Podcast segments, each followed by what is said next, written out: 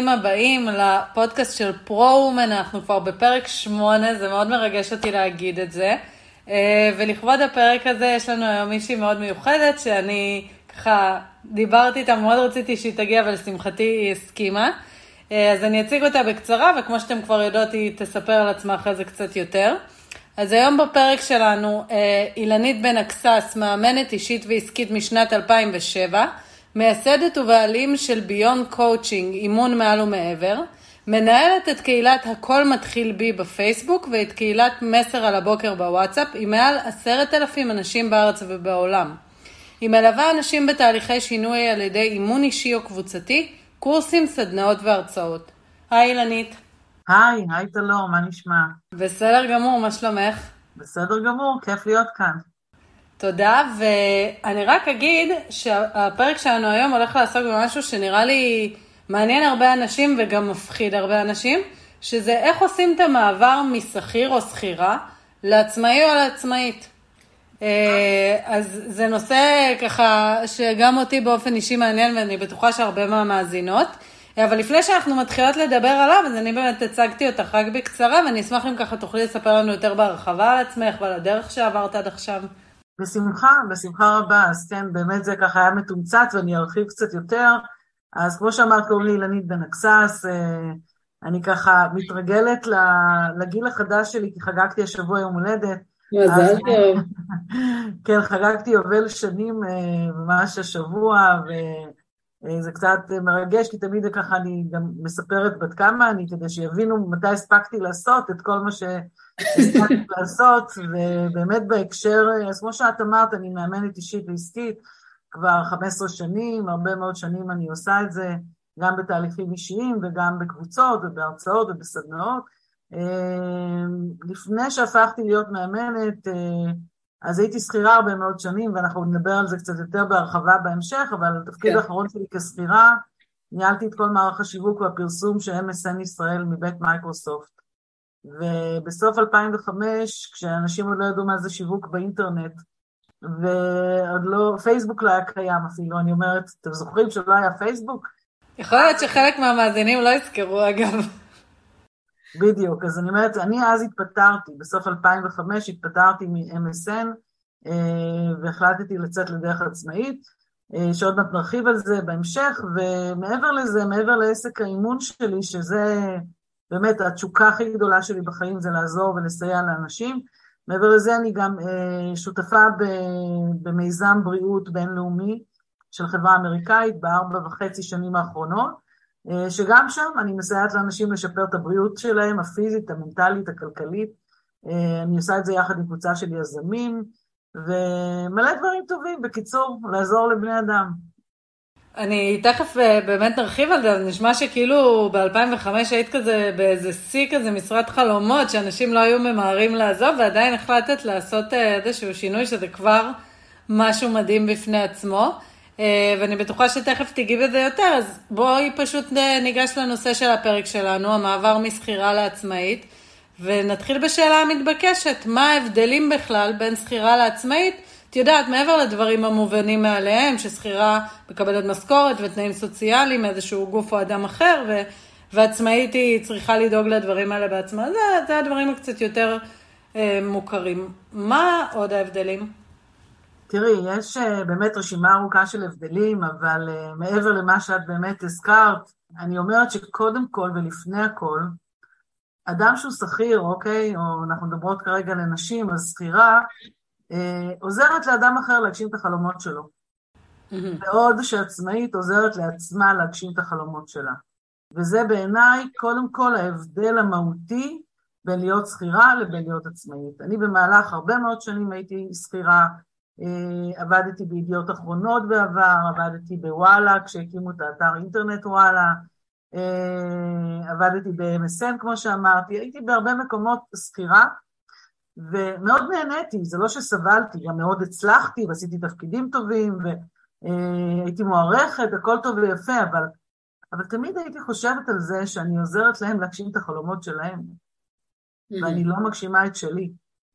ואני חושבת שזה הדבר הראשון והמהותי. מעבר לכך, בתור שכירה אני תמיד הרגשתי שאני נתונה לחסדים של מישהו אחר, אוקיי? לרצונות של הבוס שלי, או לדרישות שלו, או לגחמות שלו, את יודעת, לא תמיד המעסיקים הם אה, אנשים הכי חיוביים או הכי מקסימים, או שהכי אנחנו מתחברים אליהם בעולם. ובתור עצמאית, אני הבוסית שלי. איך הילדים אומרים, רק אני מחליט עליי? רק אני מחליטה עליי, אוקיי? אף אחד אחר לא מחליט עליי, אף אחד לא אומר לי מתי לקום, אף אחד לא אומר לי מתי להחתים כרטיס, שיש בזה גם את היתרונות וגם את החסרונות, בסדר? זה לא שזה הכל, לא כל הנוצץ זהב. אה, וגם על זה תכף אה, אולי נדבר, אבל אני אומרת, ברמה של אני בוחרת, אני מחליטה, אני עושה, זה, זה הבדל נוסף. ו...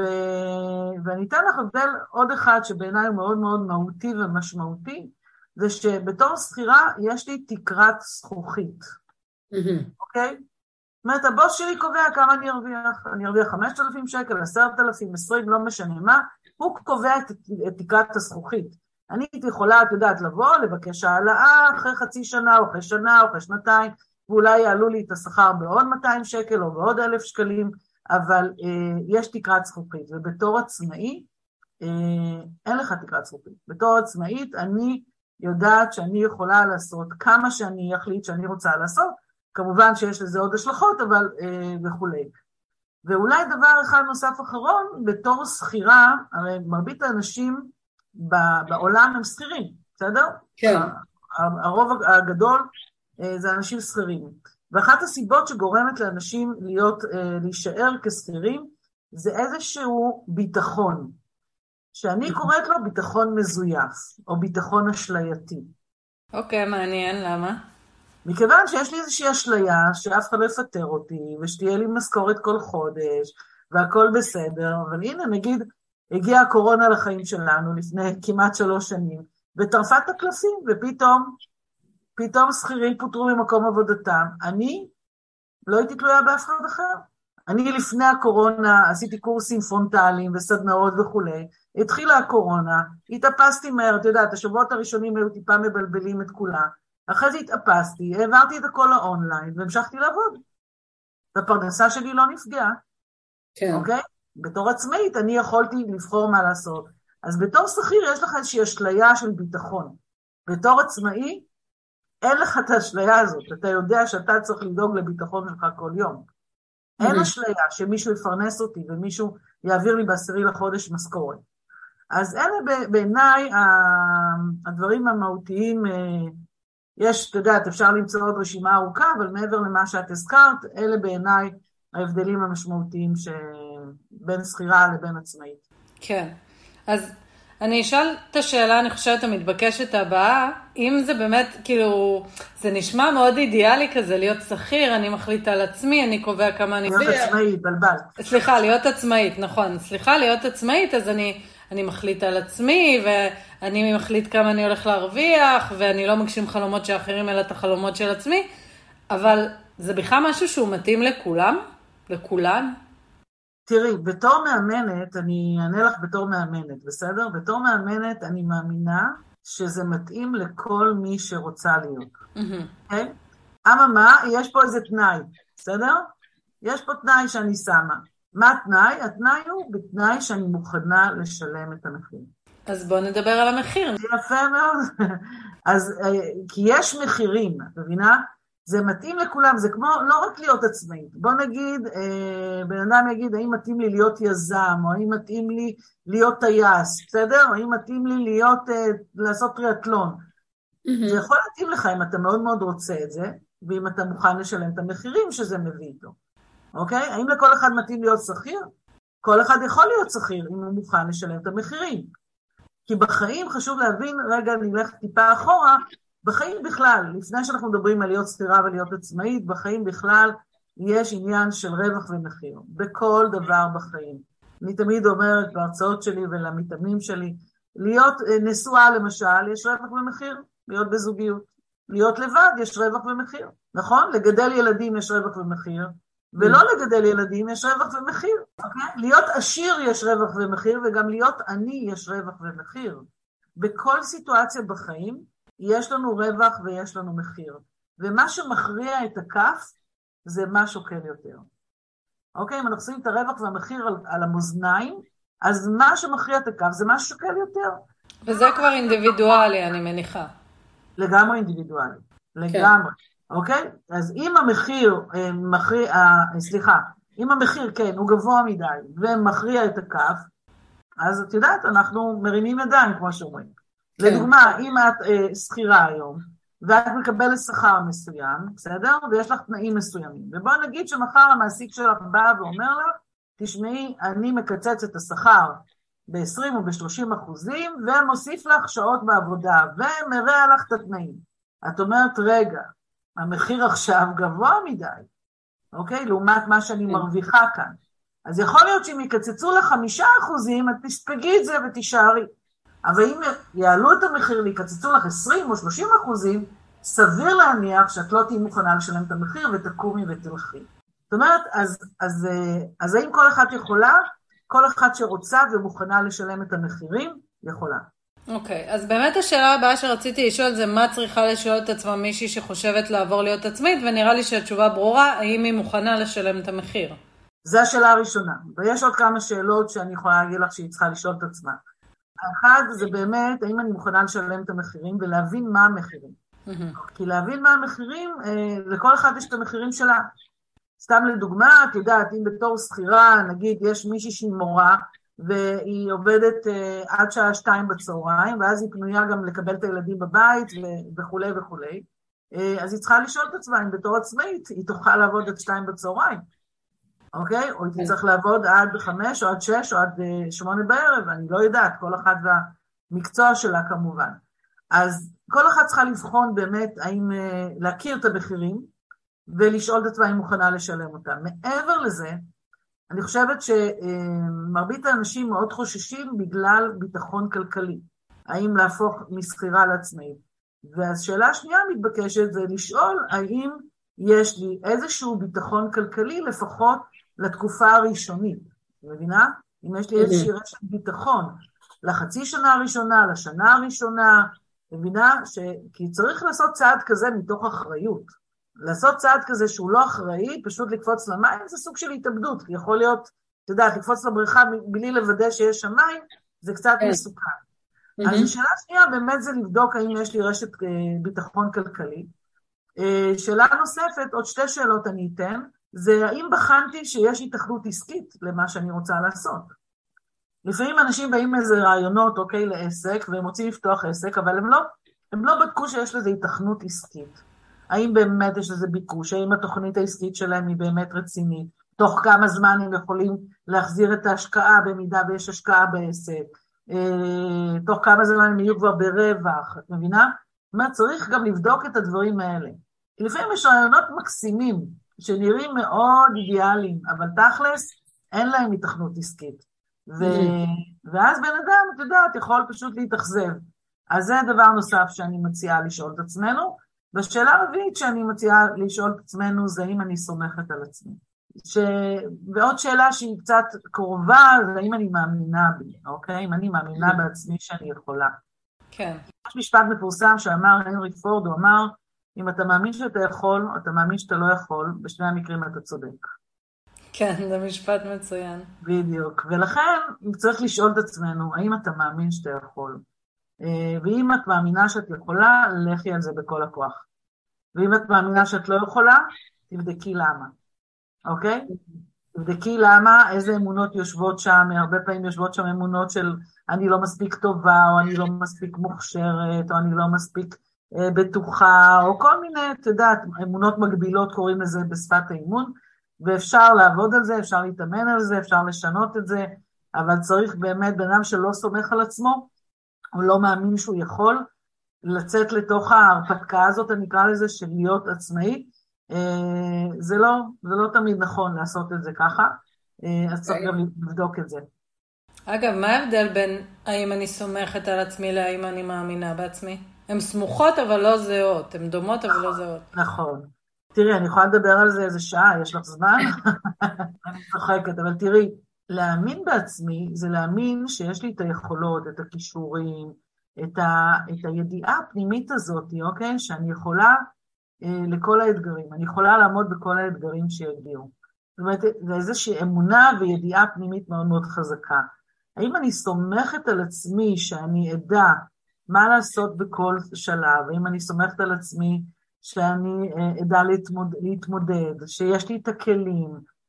את יודעת, זה, זה, זה קצת סמנטיקה ויש בזה, את יודעת, יש הבדלים, אני, קשה לי לתת לך בדיוק מה, את יודעת, מה שונה מזה לזה, אבל בגלל זה אני שואלת שאלות על ידי שתי המילים כן. האלה כדי להמחיש מה ההבדלים. אוקיי. את יודעת, כן. אמונה זה גם משהו מאוד מאוד רחב. זה להאמין בעצמנו, זה להאמין בבריאה, ביקום, בבורא עולם, בכל אחד והאמונות שלו, לא משנה מה. להאמין בדרך שלי, להאמין בעיסוק שלי, להאמין שיש לי מה לתת לעולם. מבינה, בתור עצמאית, את באה לתת את המתנות שלך לעולם. וזה לא משנה אם פתחת חנות, או את uh, מאמנת אישית, או את קוסמטיקאית, או את עורך דין. זה לא משנה מה אתה מביא, זה האמונה הזאת שבאמת יש לך מתנה לתת גם. כן, אוקיי. אני... זה באמת אה, קשה לשים את האצבע על ההבדלים בין שני הדברים, אבל אני חושבת שבכללי הדוגמאות אה, די מבהירות את זה. ואוקיי, אז אחרי מישהי באה, שאלה את השאלות, הגיעה למסקנות אה, שהיא רוצה, שהיא יכולה, שיש היתכנות עסקית ושיש לה גב כלכלי, ושהיתרונות לצורך העניין עולים על החסרונות. יש פה עדיין איזשהו אלמנט ש... שלפעמים עוצר אנשים. נקרא לזה פחד, כי אני חושבת שפחד עוצר אנשים מלעשות דברים.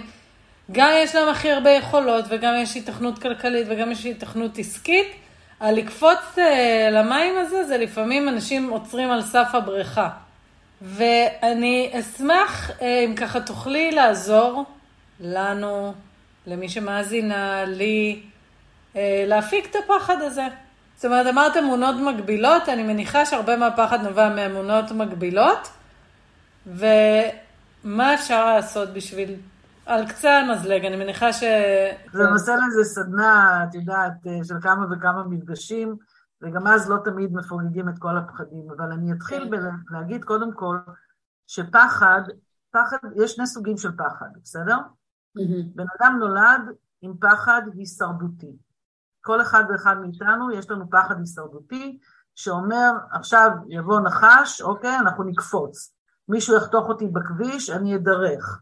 נפגוש אריה בשטח, אנחנו נתעלף כנראה, בסדר? אז זה פחד הישרדותי שהוא נועד, שהוא חיובי ביותר, והוא נועד לשמור עלינו, אוקיי? שאיתו אין לנו מה לעשות. אנחנו נולדנו עם המנגנון הזה שהוא מגן עלינו. זה נפלא. הפחד שאת מדברת עליו, אני קוראת לו פחד אשלייתי, שזה הסיפורים שאנחנו מספרים לעצמנו. מה יקרה אם אני לא אצליח, ומה יקרה אם אני לא ארוויח, ומה יקרה אם זה לא יעבוד, ואנחנו מספרים לעצמנו שהפחדים האלה נובעים, הסיפורים האלה או הפחדים האלה נובעים מתוך האמונות, כמו שאמרנו, האמונות המקבילות שלנו. שהאמונות המקבילות שלנו, זה בכלל נושא לפרק שלם, אה, לדבר על אמונות מקבילות, אבל הן נולדות אי שם בילדות שלנו, בשנים הראשונות שלנו, אוקיי? אה, חלק מעולם הפסיכולוגיה אומר עד גיל חמש, וחלק אומרים עד גיל שבע, עשר גג, בסדר? משהו קורה בחיים של הילד, נולדת, נוצרת איזושהי אמונה, ואז מאותו רגע שהיא נוצרה, סתם לדוגמה בגיל חמש, אנחנו כל החיים נאסוף להוכחות. וזה יכול להיות איזשהו מקרה מאוד פשוט. הגננת אמרה משהו, אימא אמרה משהו, אחי אמר משהו, והילד אין לו פילטרים, אוקיי? בגילאים האלה, הוא לא יודע מה אמת ומה לא, והוא בעצם מספר לעצמו עכשיו סיפור, שוואלה, הוא לא יכול, או הוא לא מסוגל, או אני חלש, או אני מסכן, או אני אפס, או אני לא ראוי, או לא מגיע לי, כל מיני אמירות מהסוג הזה, הן נצרבות בתת המודע שלנו, כל החיים אנחנו אחרי זה אוספים להם הוכחות, ועל זה אני אוהבת תמיד להגיד, שנגיד קורה משהו ואנחנו אומרים לעצמנו, ידעתי שזה לא יצליח. מאששים את ה... בדיוק, אנחנו בעצם צורבים את זה עוד יותר עמוק בדת המודע.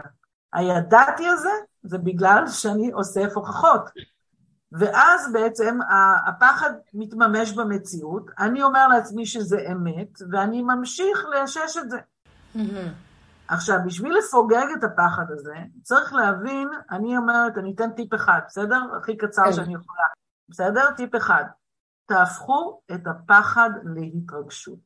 זה נורא. אוקיי. מפחיד להיות עצמאית, אבל זה סופר מרגש לצאת לדרך חדשה בעצמאית. אוקיי? זה נורא מפחיד ללכת להגשים את החלומות שלך, אבל זה סופר מרגש ללכת ולהגשים את החלומות שלך. תהפכו את הפחד להתרגשות. פחד זה אנרגיה. אני, okay. אני מאוד אוהבת משחקי מילים בשפה העברית. קחו את המילה פחד, תהפכו את האותיות שלה, תקבלו דחף. כי פחד יכול מצד אחד לשתק, ומצד שני יכול לדחוף. ומה שקובע לאיזה כיוון זה ילך, לאיזה כיוון נניע את האנרגיה הזאת, זה הסיפור שמסתתר מאחור. Mm-hmm. ואם אני אספר לעצמי שזה נורא נורא מפחיד אותי, אוקיי? אז אני, אני אשתתק, אוקיי? אבל אם אני אגיד לעצמי, בואנה, איזה מרגש. איזה מרגש לצאת לדרך חדשה, אין לי מושג מה יקרה. יש מצב שאני אצליח, יש מצב שאני גם לא אצליח, בסדר? יש מצב. אז מה, כשמתחתנים יודעים שזה יצליח בטוח? אף אחד לא יודע. אז למה מתחתנים? כי חינכו אותנו, נגיד, לעשות את זה. אז מה, כשבן אדם מגיע להתחתן, הוא יודע שזה לכל החיים? לא, זה אחד הדברים הכי מפחידים ever לעשות, כי אתה לא יודע אם זה יחזיק מעמד, ובגלל זה גם כל זוג שני מתגרש בערך. כן. יש לזה עוד סיבות, אבל לא משנה, לא, לא נסטה מהנושא. אבל את מבינה? אז תהפכו את הפחד להתרגשות, ואז יהיה מנוע, זה ידחוף אתכם קדימה. זה טיפ אחד הכי קצר שאני יכולה לתת. הפחד. הוא מנוע, את מבינה? כל דבר שמפחיד, דרך אגב, כל דבר שמפחיד אותך, גם בתור שכירה, לפעמים מפחיד אותך לעשות איזשהו צעד, מפחיד אותך לבוא, לבקש העלאת שכר. סתם לדוגמה. כן. זה נורא מפחיד, יגידו לי כן, יגידו לי לא. בואי נהפוך את הפחד להתרגשות. ונגיד, מעניין אם יצליחו, אוקיי? אם יסכימו להעלות לי את השכר. מעניין, אין לי מושג, אני סקרנית, אני מתרגשת, אני הולכת להביא את עצמי, אני הולכת לבקש את זה. תקני אותי אם אני טועה, אני מרגישה ככה מבין השורות שברגע שעושים את זה ממקום של התרגשות, הסיכוי שזה יצליח עולה. אני, כאילו בסוף, יכול להיות שאני אעשה את זה מתוך פחד, ואני עדיין אעשה את זה, או שאני אעשה את זה מתוך התרגשות ואני עדיין אעשה את זה, אבל שהסיכויים שזה יצליח כשזה מהתרגשות, כשאני לא מגבילה את עצמי, הסיכוי שזה יצליח עולה. תחשבי על כל דבר, את מבינה? אם תלכי ותעשי משהו מתוך, סתם לדוגמה, נגיד אה, הבן זוג שלך או חברה שלך יגידו לך בואו, בואי נלך לעשות בנג'י. עשיתי אגב. בכיתי הרבה לפני שקפצתי וקפצתי.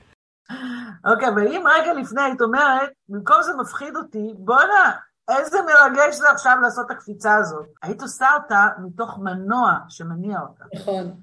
אוקיי? נכון. זה, אז זה, זה אותו דבר, זה על אותו משקל. זה כמו, תחשבו על הפעם הראשונה שעליתם על רכב לנהוג בו, מה זה היה? זה לא היה מפחיד? זה היה מפחיד. אז מה? היום זה כבר הופך להיות אוטומט. אז זה, את יודעת, אפשר לדבר, פחד זה נושא מרתק, ואפשר אה, לדבר עליו המון, אבל תזכרו שהפחד תמיד יושב על סיפור שאנחנו מספרים לעצמנו, וזה טבעי לפחד. זה טבעי. אוקיי? לא, אנחנו לא חריגים, אנחנו מפחדים. בן אדם שאין לו שום פחד, הוא החריג, בסדר?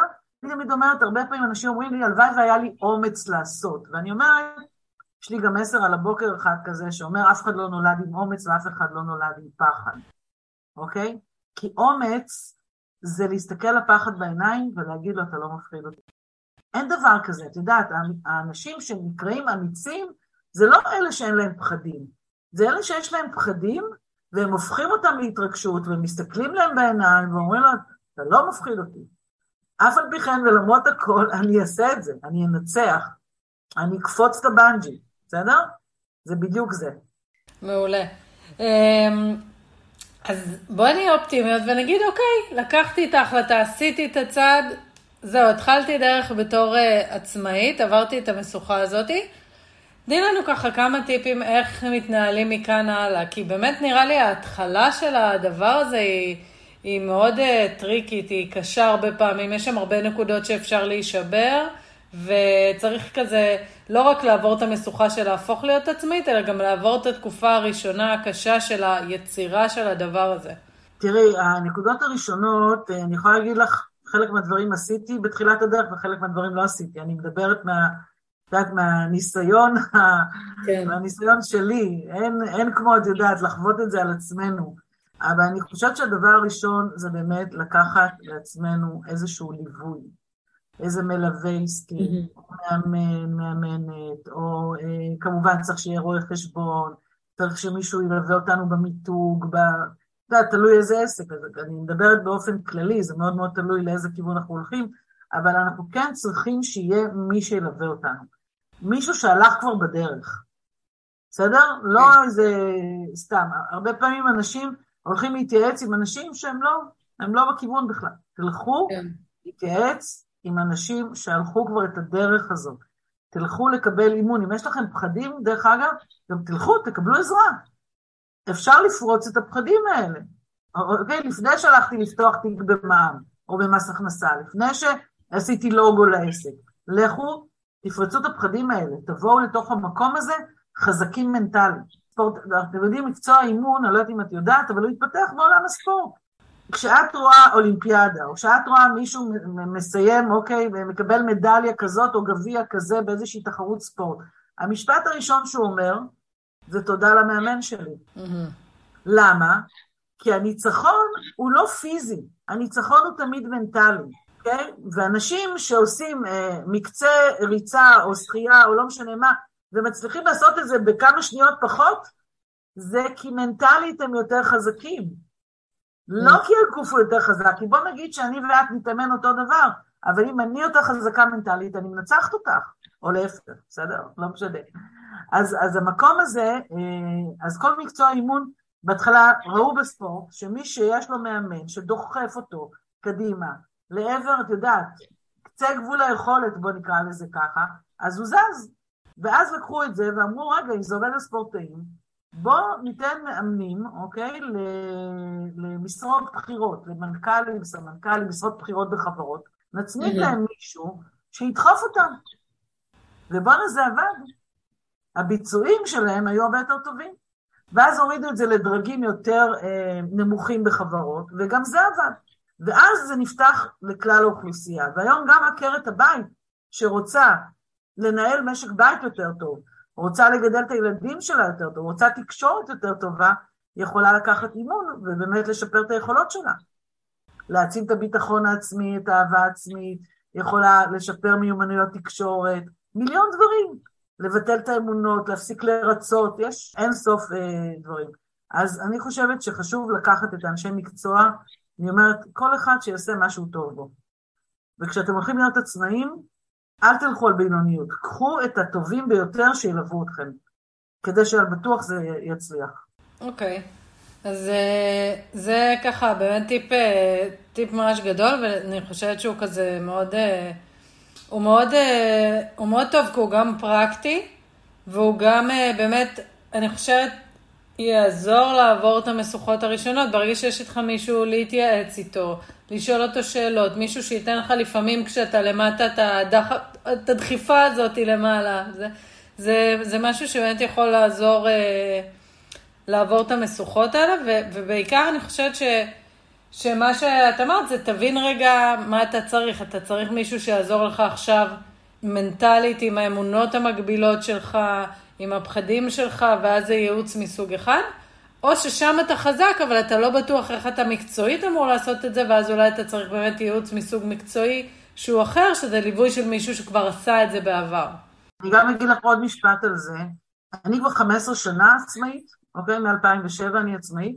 אחת לכמה זמן אני לוקחת ליווי במקומות שאני יודעת שאני צריכה. גם בימים אלה לקחתי לי מלווה עסקי, כי אני רוצה לעשות את הקפיצה לרמה הבאה. ואני צריכה את המישהו הזה שייתן לי את הדחיפה הזאת. וזה לא בושה לקחת עזרה. את יודעת, אנשים, כשהם לא מרגישים טוב, הם יודעים לרוץ לרופא, אוקיי? מהר נלך לרופא. אבל רגע, אבל אם העסק שלי מקרטע, למה אני לא לוקח איש מקצוע?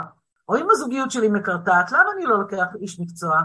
או אם ההורות שלי מקרטעת, למה אני לא לוקח איש מקצוע?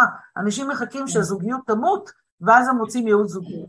אני חושבת שיש פה איזושהי נקודה, לא נרחיב עליה, אני חושבת, אבל יש פה עניין של, אה, של דברים שהם טאבו. כאילו, זה כמו שפעם מישהו שהיה הולך אה, לפסיכולוג, אז אה, זה היה כאילו, מה, הוא הולך לפסיכולוג, מה קרה לו? ואנשים עד היום מפחדים כאילו ללכת לפסיכולוג, כי מה זה אומר עליהם? ואני חושבת ש... שזה באותו הקשר קצת דומה, כי את אמרת, דיברת על אימון, את אמרת, טוב, מישהו שרוצה להיות ספורטאי מקצועי, ברור שהוא צריך מאמן, הרי זה כאילו משהו שהוא כל כך טבוע בנו, שזה אפילו לא שאלה, נכון? אבל מישהו שעכשיו רוצה מאמן מנטלי, רגע, מה זה מאמן מנטלי? מה, אני לא יכול לבד לעשות את זה? למה אני צריך שמישהו אחר יסביר לי איך אני עושה את זה? אז אה, חבר'ה, לשבור סטיגמות, אה, וכן, לקחת אימון מקצועי, לקחת אימון אישי, ליווי מנטלי, הכל טוב, זה בסוף הדרך שלך להפוך להיות מקצועי. ספורטאי מקצועי אולי אתה לא רוצה להיות, אבל אתה רוצה להיות מקצועי במשהו אחר, וזה לגמרי יושב על אותו מקום. אני גם אומרת בהקשר הזה, אה, שהספר לא יכול לספר את עצמו. Hmm. והפסיכולוג לא יכול לטפל בעצמו. כן. אוקיי? Okay? ולכן, וגם ביהדות יש איזשהו משפט שאני מאוד אוהבת, שאומר, אין האסיר מתיר את עצמו מבית האסורים. האסיר לא יכול לשחרר את עצמו, צריך שהסוהר יבוא לפתוח לו את הכלא. וכולנו נמצאים, לכל אחד מאיתנו יש את הכלא התודעתי שלנו. את הסיפורים שאנחנו מספרים לעצמנו ואנחנו כלואים בתוך זה, המחשבות של מה אני יכול או מה אפשרי עבורי או מה לא אפשרי עבורי. וברגע שאנחנו מנסים לעשות את זה לבד, אנחנו הרבה פעמים נמצאים בלופים. למה? כי זה המחשבה וזה הפחד וזה האמונה. וכשבא מישהו חיצוני פתאום, שם לך פרוז'קטור לתוך התודעה שלך ואומר לך, רגע, שמת לב? שאלת את עצמך פעם את השאלה הזאת או הזאת? ראית פעם שיש לך כישרונות כאלה או אחרים? אה, פתאום משהו נפתח. והמשהו הנפתח הזה, כשמאפשרים לו להיות, זה רק מישהו חיצוני יכול לעשות את זה, ואני אומרת לך, אני על עצמי חווה את זה כל, כל הזמן, כל הזמן. עם כל זה שאני מאמנת ואימנתי כבר מאות ואלפי אנשים במהלך השנים, כשאני רוצה לעשות את הקפיצה הבאה, אני תמיד לוקחת מישהו, שהוא צעד אחד לפניי. אני רוצה את ה, באמת את הקדימה הזה. ועוד דבר שאני אגיד לך בהקשר הזה, ואז אני אתן לך להמשיך הלאה. Okay, אוקיי, אז אני אומרת שדבר נוסף, אה, בהקשר של איך אני מתנהלת נכון מכאן והלאה, חשוב מאוד להיות עם אצבע על הדופק, חשוב מאוד לראות את ההתקדמות. חשוב מאוד גם להיות אה, עם גמישות מחשבתית ויצירתית. את יודעת, מה שנגיד פתאום באה הקורונה, אנחנו חייבים להתאים את עצמנו. בתור עצמאי, אין לך על מי להישען. אנשים אומרים לי, את כל הזמן ממציאה את עצמך מחדש. בטח שאני ממציאה את עצמי מחדש, אוקיי? אם אני אהיה more of the same, אז אף אחד לא יגיע אליי. אם אני אהיה כמו כולם, זה לא מעניין. אנשים רוצים דברים חדשניים, אנשים רוצים שמשהו, את יודעת, שיקדם אותם, וזה, אני יכולה לספר לך שלפני חמש שנים, ב-2017, ארבעה אנשים שונים אמרו לי את המשפט הבא: אם יכולתי לדבר איתך כל בוקר שתי דקות, היום שלי היה נראה אחרת. עכשיו, פעם ראשונה שמעתי את זה, ואמרתי, אוקיי, סבבה. אחרי כמה ימים עוד מישהי אמרה לי את זה, ואז אמרתי, אה, אמרו לי את זה לפני כמה ימים. בפעם השלישית ששמעתי את זה, אמרתי, בואנה, זה לא הגיוני ששלושה אנשים שונים אמרו לי את זה בהפרש של כמה ימים. יש כאן איזשהו מסר. על הבוקר. ומזה זה נולד. כן, הבנתי. אני רגע אעשה גילוי נאות שאני חברה בקבוצת וואטסאפ של מסר על הבוקר, ואני אספר שאני באופן אישי אה, שומעת את זה כשאני מכינה לעצמי את הקפה של הבוקר. עד שאני, זה, עד שהמים רותחים, עד שזה, זה הזמן שאני שומעת מסר על הבוקר. אז זה מה שהביא את זה, אני שאלתי את עצמי, מה, איך אני יכולה לדבר עם אנשים כל יום שתי דקות? ולא היה לי רעיון. ועברו כמה שבועות, ואני אמרתי, אני שולחת את המחשבה הזאת ליקום, התשובה תגיע. ובוקר אחד התעוררתי וזה היכה בי. ואמרתי, הנה, אני יכולה להמציא את עצמי מחדש. זו הייתה לגמרי המצאה, המצאה שהצליחה, תודה לאל, אוקיי? ומצליחה עד היום. ומאז, כל בוקר, אני שולחת מסר על הבוקר, להיום כבר 20 קבוצות וואטסאפ ברחבי העולם, אוקיי, בסביבות 5,000 פלוס אנשים ברחבי העולם, שכל יום מקבלים מסר על הבוקר. אני מבינה עכשיו, בתור עצמאי אתה גם צריך להיות קשוב. קשוב למה הסביבה אומרת לך, קשוב למה הסביבה מבקשת ממך. וכן, להיות בגמישות מחשבתית ולהפעיל את היצירתיות ולהמציא את עצמך כל פעם מחדש. את רוצה אולי להגיד, מי שרוצה להצטרף לקבוצה של מסר על הבוקר, איך הוא עושה את זה? בשמחה רבה. קודם כל, אה, אם מצא קישור, אז יש שם, אפשר אה, ללחוץ שם על מסר על הבוקר, למלא פרטים וזה מגיע אליי. אז יהיה קישור בתקציר של הפרק זה בכל מקרה? הודעת וואטסאפ אה, למספר טלפון שלי, שזה 052-5-888-519. ופשוט לבקש להצטרף למסר על הבוקר, זה נמסר באהבת חינם, ומתי שאתם לא רוצים אתם יכולים לצאת מהקבוצות, הכל בסדר. וכל יום אני שולחת מסר קולי של שתיים, שלוש דקות לפעמים, כדי לפתוח את היום. מצוין. אז אני באופן אישי, כמו שאמרתי, חברה בקבוצת וואטסאפ כזאתי, מקבלת מאילנית כל יום מסר על הבוקר, ואני מאוד ממליצה. זה נותן איזה מין באמת דרבון כזה להתחלה של היום, וחומר למחשבה. בדרך כלל אני מסיימת את, את החלק הזה של הפרק, שאני אומרת בואו נסכם בכמה טיפים את מה שדיברנו, אבל היו כל כך הרבה טיפים בשיחה הזאת, שאני חושבת שאפשר לשים את זה רגע בצד. יש איזה טיפ אחד שאני ממש חייבת להגיד, טיפ לגמרי מנצח. תקשיבו לאינטואיציה שלכם, היא לעולם צודקת, אוקיי? תקשיבו לאינטואיציה שלכם, היא לעולם צודקת, היא אף פעם לא משקרת. אם מרגיש לכם בבטן שזה זה, לכו על זה, אוקיי? פשוט. כן. בעיניים עצומות. והדבר השני, לעולם אל תתייעצו עם אנשים שכירים לגבי פתיחת עסק עצמאי. אוקיי? חד משמעית. כי הם יגידו לכם למה לא. אתם יודעים למה? כי הם פוחדים בעצמם להיות עצמאים, ואין להם מושג מה זה להיות עצמאים. וזה מרבית האנשים שחולמים להיות עצמאים, הולכים להתייעץ עם החברים שלהם השכירים, והם מורידים אותם, ואז הם לא עושים את זה. לא, זה טיפים מעולים, ואני יכולה להגיד שאני שמעתי הרצאה של אילנית שקשורה ל... לאינטואיציה, והיא אמרה שם משהו שעד היום ככה חלחל ונשאר לי בראש, וזה קשור קצת למה שדיברנו מקודם על פחד, על איך להבדיל בין פחד לאינטואיציה, ואילנית אמרה, תקני אותי אם אני טועה, אם זה נראה לך לא הגיוני, זה אינטואיציה. זה נכון, זה מדויק. אז שני טיפים מנצחים ללכת עם האינטואיציה ולא להתייעץ עם שכירים על להיות עצמאי. בדיוק. אז אני חושבת שזה ככה היה סיום מעולה לחלק הזה, אבל תמיד יש לנו בפרקים בפרו-אומן פה שאלון סיום, כדי ככה להכיר עוד קצת יותר טוב את מי שמתארחות אה, בפרקים שלנו. אז זה שאלון כזה של חמש שאלות קצרות, לענות, לענות במילה, במשפט, מה שנראה לך, אה, ועם זה נסיים. אז מה התקופה הכי משמעותית שהייתה לך בחיים עד עכשיו? כשבחרתי לעשות הסבת מקצוע והלכתי ללמוד אימון, זה בהחלט, וזה גם מתחבר לנושא של, ה, של המפגש הזה, של הפרק הזה, שעשיתי את המעבר מלהיות ספירה על עצמאית, אבל יותר ללכת, באמת להתפטר, ללכת ללמוד מקצוע אחר ממה שעשיתי עד לאותו רגע, זה היה מאוד מאוד משמעותי עבורי. מעולה. עם איזה אישה חיה או מתה היית רוצה לשבת על כוס קפה? קודם כל, אני מאוד מתגעגעת לסבתא שלי.